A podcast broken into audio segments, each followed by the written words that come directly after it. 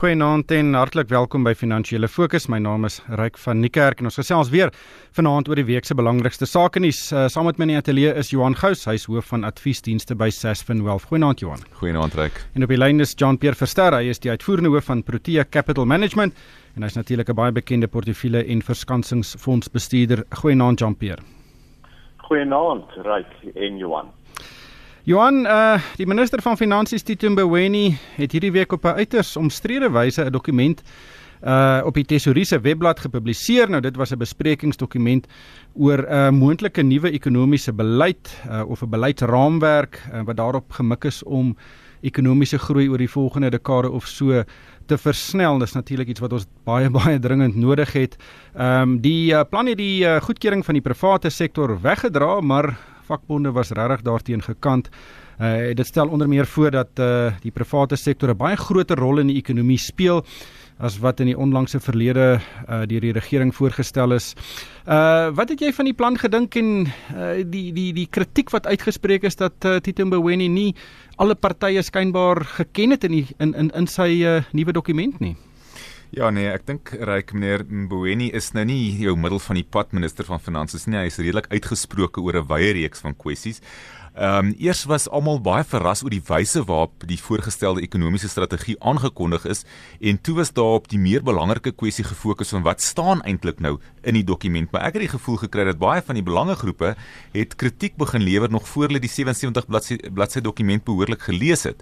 En natuurlik sou die vakbonde redelik opgewonde geraak het oor die kwessies van privatisering en hulle mag ten opsigte van loononderhandelinge wat op die tafel gesit is, maar ek dink reik een van die belangrikste punte van kritiek vir my het daar gegaan dat uh, van die voorgestelde idees van meneer Mboweni teenstrydig is met wat die regering nie te lank terug aangedui het hulle self nie ondersteun nie, byvoorbeeld die telekommunikasiebeleid.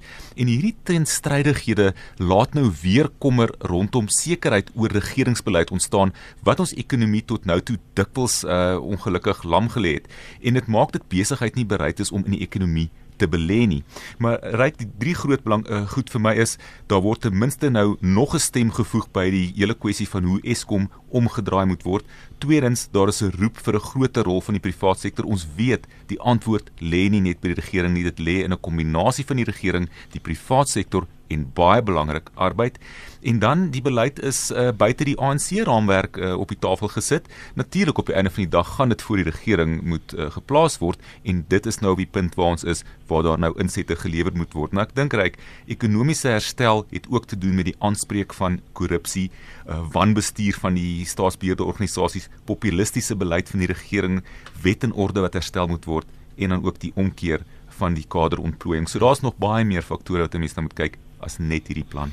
Ja, Jean Pierre, ons is op die oomblik in 'n regtig in 'n diep gat en daar moet ongewilde besluite geneem word om die situasie om te keer. En hier kom Tito Mboweni uh onaangekondig publiseer hy die dokument op 'n webblad. Uh dit was Dinsdagmiddag gewees en dit stel voor ongewilde besluite wat geneem moet word. Ehm um, en ek dink dis presies wat ons nodig het. Uh, wat wat het jy gedink daarvan?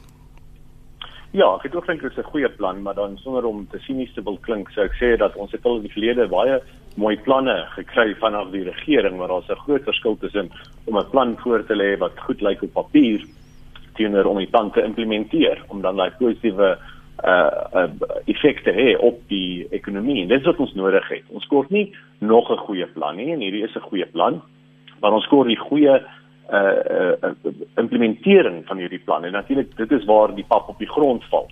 Uh ongelukkig in die staat het ons nie 'n staat wat effektief hierdie planne kan uh, implementeer nie en ongelukkig in die staat omdat die ANC so breë kerk is van verskillende mense binne die ANC, alles van links tot regs. Het 'n mens dan hierdie geval dat oor en oor en oor gebeur dat 'n sekere deel van die ANC, noem dit die die deel wat wat meer pragmaties is en sien dat kapitaal kan die vriend wees van ekonomiese ontwikkeling en die wiel gery word deur 'n ander kamp van die ANC, die meer linksgesinde Unie gerigte kamp Kusatu, wat dan teen kapitaal is en altyd sien dat kapitaal teen loodreg teenoor die werkgewer of die werknemer liewer se belange. So dis ek kan nie sien hoe ongelukkig terwyl die ANC hierdie breë kerk het en almal probeer tevrede stel en almal in 'n mate moet tevrede stel om in beheer te kan bly dat hierdie tipe planne korrek geïmplementeer word nie. Nou blyk dit ek verkeerd, maar dis amper asof die regering oor en oor en oor homself in die voet skiet. Soos byvoorbeeld die heel eerste punt wat aangeraak word in hierdie dokument en dit gaan oor uh toerisme en die visa uh vereistes wat ingebring het dat uh, uh as mense van ander lande kom na Suid-Afrika met hulle volle geboortesertifikate vir hulle hulle minderjarige kinders hê. En dit was 'n ongelooflike negatiewe impak gewees op ons plaaslike toerismeindustrie sodat mense net gekies het om liewer in Europa te bly en nie Suid-Afrika toe te kom nie omdat dit so moeilik was om met hulle kinders hiernatoe te te reis. So ongelukkig reik ek wil nie te sinies klink nie, maar ek sê net sê dis nog 'n plan en maak nie saak hoe goed die plan klink op papier nie. Ons moet wag en sien of dit wel geïmplementeer kan word. Ja, ek dink Suid-Afrika is een van die lande in die wêreld as daar Olimpiese spele was vir praat en planne maak was ons uh, het ons al die medaljes gewen, maar as dit by inwerkingstelling kom, dan is ons nie eers so naby die podium nie. Uh maar Johan, dis belangrik, ek dink wat ons hier uit moet neem is dat daar is 'n tweede denkwyse binne die regering op die oomblik dat dinge moet verander. Die status quo kan nie voortgaan nie. Natuurlik gaan daar uh binne die ANC teenkanting wees. Um ook teenkanting deur die alliansie vennote. Uh maar ten minste is daar nou 'n lyn in die sand. Ehm um, daar's 'n voorstel op die tafel. Ons vra nou al vir hoe lank daarvoor. Nou het ons die ding. Ehm um, miskien moet dit dit maar 'n kans gee. Ja, reg en baie interessant eintlik net is daar's baie mense wat voel dat wat meneer Mboweni nou gedoen het is eintlik waar ehm um, daar 'n stop geplaas was aan meneer Mbeki toe hy op 'n stadium um, in 2009, jy weet het hy ook van hierdie goed begin praat met toe sy basies uitgesny. En uh, dan jy weet praat word dan ook ge, ge, hierdie word ook nou genoem die agterdeur privatisering is wat die vakbonde dit nou noem. Maar dit is so, nou is dit op die tafel gesit en ek dink uh, dit is nou om te sien hoe kan hierdie partye bymekaar uitkom hopelik want op die einde van die dag moet almal besef dat jy moet bietjie wegstaan van jou eie belange en jy moet op 'n stadium meer die makrosiening neem en verstaan dat as ons hierdie goed nie gaan regkry tussen hierdie drie belangegroepe nie dan gaan almal op die einde van die dag verloor. Daar is nie 'n wensituasie net vir een party hier nie.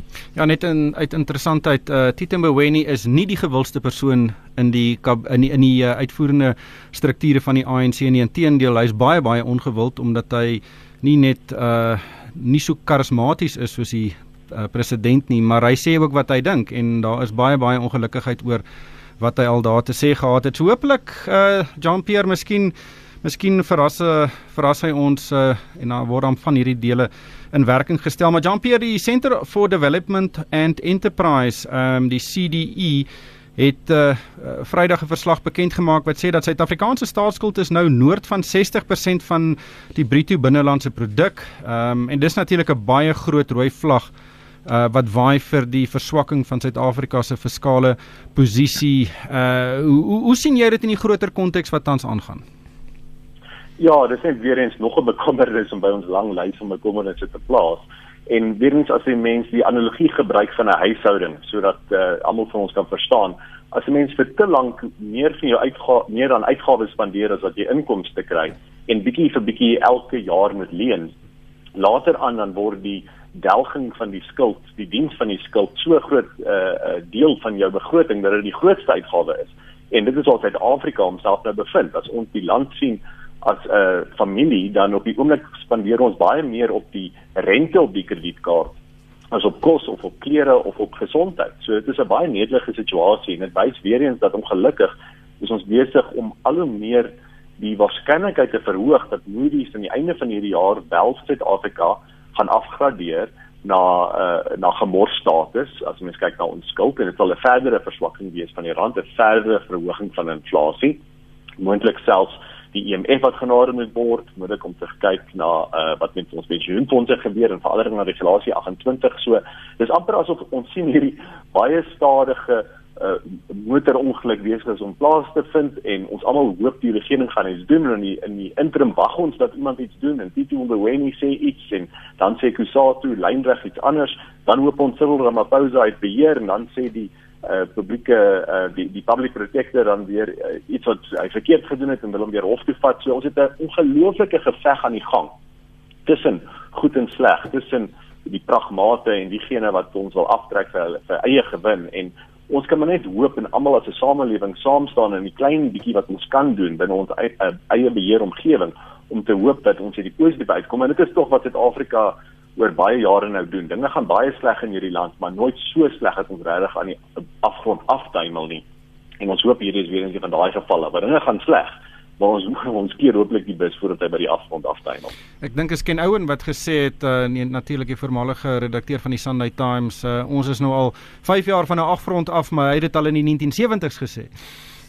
Ja, reg. Ja. Jy weet die, die feit is hierso dat ehm um, jy weet elke jaar het ons hierdie begrotingstekort en ons skuld bly groei. So jy kyk nou al na 'n situasie waar ons uh, basies amper 3 trilljoen rand se skuld het.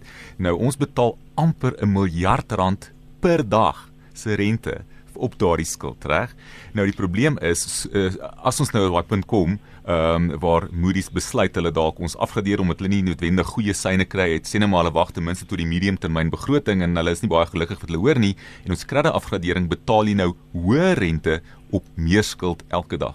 Jy sê nou ehm um, 'n miljard rand rente per dag, dis uh, 365 miljard rand rente per jaar. Ons uitgawe begroting van die regering is omtrent 1,2 miljard rand. So dis by verre die grootste deel van ons hele begroting.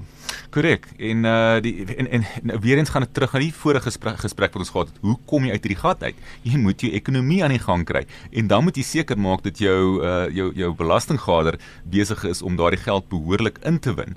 Ehm um, so dit dit is eintlik op die einde van die dag kom dit terug na die die die die feit dat jy jou ekonomie moet begin groei. Maar baie interessant net reg om vir jou te noem. Uh op hierdie stadium uh kry jy op 'n Eskom staatseffek, né? Kry jy 2.5% hoër rente as op 'n regerings 10 jaar effek. Nou die die punt hierso is jy sal sê ja, maar dit is omdat baie hoë risiko is. Maar onthou dat 70% van die staats of van die effekte wat deur Eskom uitgereik is, word basies gewaarborg deur die regering. So as iets fout gaan met Eskom, hulle is te groot om onder te gaan en die regering sal in elk geval instaan, maar in die tussentyd kry jy 2.5% hoër opbrengs op 'n uh, Eskom uh, Eskom effek. Ja. John Pierre, kom ons gesels oor die ekonomie. Ehm um, en natuurlik een van die interessantste barometers vir die welstand van die ekonomie is jou kleinhandels uh, en ons het hierdie week gesien hoe Massmart uh resultate aangekondig hulle hulle besit natuurlik Game en Makro en verskeie ander groot kleinhandelgroepe en ook Woolworths ehm um, wat ons almal ken uh en en Massmart het uh swak resultate aangekondig en Woolworths het ook uh nie wonderlike syfers aangekondig nie maar grootliks vanweë probleme in Australië. Hoe het jy hierdie syfers ge, gesien? Ja, ek ek sou sê eerstens as mens kyk na Massmart, die herstellende syfers, maar hulle het aangedui alklaar met 'n handelsverklaring dat die uh, uiteindelike voljaar of op volle resultate uh, teleurstellend gaan wees. En as mens nou na die detail kyk, dan is dit veral die game en Dion Wired afdeling, sogenaamd mass discounters wat 'n groot verlies gelei het. As ook die mass cash afdeling, dis nou die cash and carry afdeling wat meer in jou onderste LSM groepe uh, uh, goedere verkoop en dit wys weer eens die druk is op die ekonomie op die middel tot uh, tot laer klas deel van die ekonomie. uh, Makro het ook uh, winste um, laer met 30% gelewer, so dit wys dat die meer hoër deel van die ekonomie ook swaar trek. Maar Massmart het ook te veel skuld.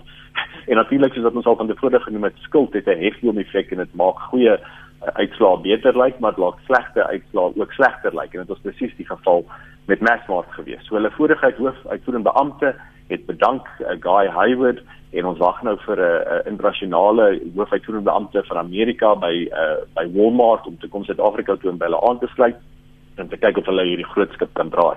Woolies het 'n bietjie beter gelyk. Daar was hulle hoofprobleem soos jy genoem in Australië met David Jones en plaaslik as mens kyk na hulle klere en voedselafdeling, sê die voedselafdeling eintlik besonder goed gevaar. So weer eens op 'n mate wys dit dat mense nog steeds eet en die top 1% van die land trek nie heeltemal so swaar soos die ander 99% nie. En hulle word al baie gemelk met hoër belastingkoerse, hoër BTW, uh, maar op die einde van die dag daai 1% betaal nog steeds die oorgrootste meerderheid van die belasting en hulle lewer op die oor, oorgrootste meerderheid van Woolies voedselafdeling se winste uh en die kledingafdeling ook bietjie laer maar nie te erg nie. So Woolies se probleme meestal in Australië. Hulle hoofuitvoerende beampte uh een noor gaan eintlik Australië toe trek en meer van sy tyd daar spandeer en hy gaan ook een van die dae aftree. So albei hierdie maatskappye Massmart en Woolworths sien ons dat na 'n baie moeilike tyd die hoofuitvoerende beampte uh, die tuig gaan neerlê en ons hoop dis nie 'n hospitaalpaas vir die volgende hoofuitvoerende beampte wat hulle gaan aansluit nie. Ryk, miskien net om daarbey uh, aan te eg, weet Massmart uh, gewoonlik is hulle tweede helfte beter, maar ek dink dit gaan absoluut 'n wonderwerk vat om hierdie situasie om te draai na die swakste uh, syfers wat hulle in 20 jaar. Dit is die eerste keer dat hulle verlies getoon het. Uh, en ek dink op die einde van die dag hulle verkope was 5.5% op, maar hulle uitgawes was 11.8% op. Nou hierdie aandeel baie interessant. Op Donderdag toe die syfers aangekondig was, toe daai aandeel eintlik met 8% opgegaan. En mense hoop dat uh, jy weet die feit dat die aandeel ten spyte van hierdie syfers ten minste opgegaan het, beteken dit kan dalk 'n basis begin skep, maar hierdie aandeel is op hierdie stadium op 'n 13 jaar laagtepunt. In terme van Woolworths net, ek dink die feit dat een moer uh, basies nou 80% van sy tyd gaan spandeer deur fisies na Australië toe te gaan. Hy is 'n Australier ook. Ehm um, sê vir jou dat dat David Jones is nog steeds 'n baie belangrike deel van daardie plan om 'n redelike groot uh, suidelike halfrond uh, kleinhandel reus te probeer skep. Ehm um, en ek dink jy weet uh, as 'n mens gaan kyk na na, na Woolworths uh, plaaslik weet die plaaslike bedrywighede maak omtrent 4 miljard se inkomste uit. David Jones maak omtrent 400 uh, miljoen rand, maar daai uh, die die die waarde van daai belegging wat hulle gemaak het uh, in 2014 was 21 miljard rand, dis nou 12 miljard rand en ek dink daar's baie goeie redes vir hoekom hy nou meer van sy tyd op daardie deel moet fokus. Ja, ek ek wonder wanneer begin uitvoerende hoofde op hulle swaarde val. Ons het hierdie week ook gehoor dat Coronation en Ellen Grey is baie ongelukkig wat oor by Sasol gebeur. Ehm um, en natuurlik daar is 'n groot gemors en hier ook. Daai transaksie was net te duur 5 jaar gelede en nou betaal aandeelhouers die die prys. Maar Johan, die tyd al ons in uh, die beurs. Ons is aan die einde van die derde kwartaal, kan jy dit glo? Uh die beurs het 'n regtig wipplank gery. Wat is uh hoe lees jy die vertoning sover vanjaar? Ja goed, baie interessante syfers. Ek weet so ons het dan ten minste Vrydag die einde van Augustus met 'n 1.5% groen gehad op die plaaslike beurs. Nou dit plaas die JSE vir die maand nog steeds ongelukkig so 3% laer vir vir Augustus. Vir die jaar tot datum is die uh, beurs omtrent so tussen 6 en 7% op. Baie interessant. Die hulpbronne indeks vir die jaar tot datum is 14% op, maar die industriële indeks is 14% af vir die laas uh, vir die jaar tot datum. So 'n redelike uiteenlopende prentjie in terme van die sektore op die beurs. Wat wel vir my geplaat reik is dat as jy gaan kyk na die opkomende markte uh, aandele indeks, daai indeks um, was met iets soos 11% opgewees in Augustus terwyl ons beurs met 3% af was. So mense vra jy self die vraag af hoe dit gebeur dat daar so 'n uh, heeltemal 'n verskillende prentjie was met ons beurs teenoor ander opkomende markte. En ek dink een van die redes was ongelukkig geweest die feit dat Suid-Afrikaanse die Suid-Afrikaanse uh, uh of uh, presentasie van die um, opkomende markte indeks is ongelukkig nou in hierdie week weer afwaarts aangepas want ons meer Chinese aandele blootstelling wat inkom en as gevolg van dit onder andere het ons 16 miljard rand se uitvloeye van buitelandse beleggers uit ons beurs gesien. John Pierre, hoe hoe sien jy die die eerste 3 9 eh, maande se vertoning? Ja, dit is uh, moeilik geweest vir vir beleggers wat aandele gekoop het. Verskansingsfondse wat aandele kon kort verkoop het, het 'n bietjie beter gevaar. Maar ek dink interessant, ryk tot nou toe het ons baie negatief geklink oor omtrent alles oor die ekonomie. Maar daar's ook 'n prys altyd te betaal vir 'n belegging. En mens kry partykeer die punt waar soveel negativiteit is ingeprys in 'n sekere aandeel se aandeleprys dat dit eintlik 'n billike belegging kan, kan wees selfs al het mense nog nie die ergste ervaar in terme van die ekonomiese uh vooruitsig vir daai maatskappy nie. En ek dink ons is amper daar waar ek kom van hierdie aandele of ten minste is dit met 8% gestyg het Vrydag met 'n paar van die klein kapitalisasie aandele op die JSE dat ek hoop regtig waar ons het nou die ergste gesien wanneer dat soveel negativiteit is gediskonteer in aandelepryse en dat Suid-Afrikaners so negatief is en die sentiment so sleg is dat van hier af hoop ek dat dinge net beter kan gaan. So ek hoop nie dat ek sien nou die glas half vol terwyl hy eintlik half leeg is of minder as halfte vol water is nie, maar ek hoop regtig waar met al hierdie negativiteit tans voor diskonteer dat waterklasse en sluitende aandele beter kan vertoon van hier af vorentoe. Johan het laastens uh, ons kan dalk goeie nuus kry hierdie week wat kom. Die BBP syfer vir die tweede kwartaal word bekend gemaak. Ons het natuurlik in die eerste kwartaal gesien hoe die ekonomie met uh, eh, 3,2% gekrimp het. Uh hopelik sien ons 'n positiewe syfer wat beteken ons het 'n tegniese resessie vermy. Ja, Rek, hulle verwag 'n uh, groei van omtrent so 1.5 na 3% afhangend van wie met wie jy praat, maar ek dink Rek, ek gaan nie te opgewonde raak as ons 'n tegniese resessie vermy nie. Die feit is, ons sit met 29% uh, werkloosheid en uh, SARS gaan vir die 6de jaar in 'n ry nie sy teiken maak nie. Dit plaas net verdere druk op die fiskus. Val ongelukkig hierdie tyd ons ingehaal. Baie dankie aan Johan Gous, hy is hoof van adviesdienste by Sasfin Wealth en ook baie dankie aan Jean-Pierre Verster, hy is die uitvoerende hoof van Protea Capital Management en hy's natuurlik ook 'n bekende portefeulje en verskansingsfondsbestuurder en van myself Ryk van die Kerk. Dankie vir die saamluister en ek hoop almal het 'n winsgewende week.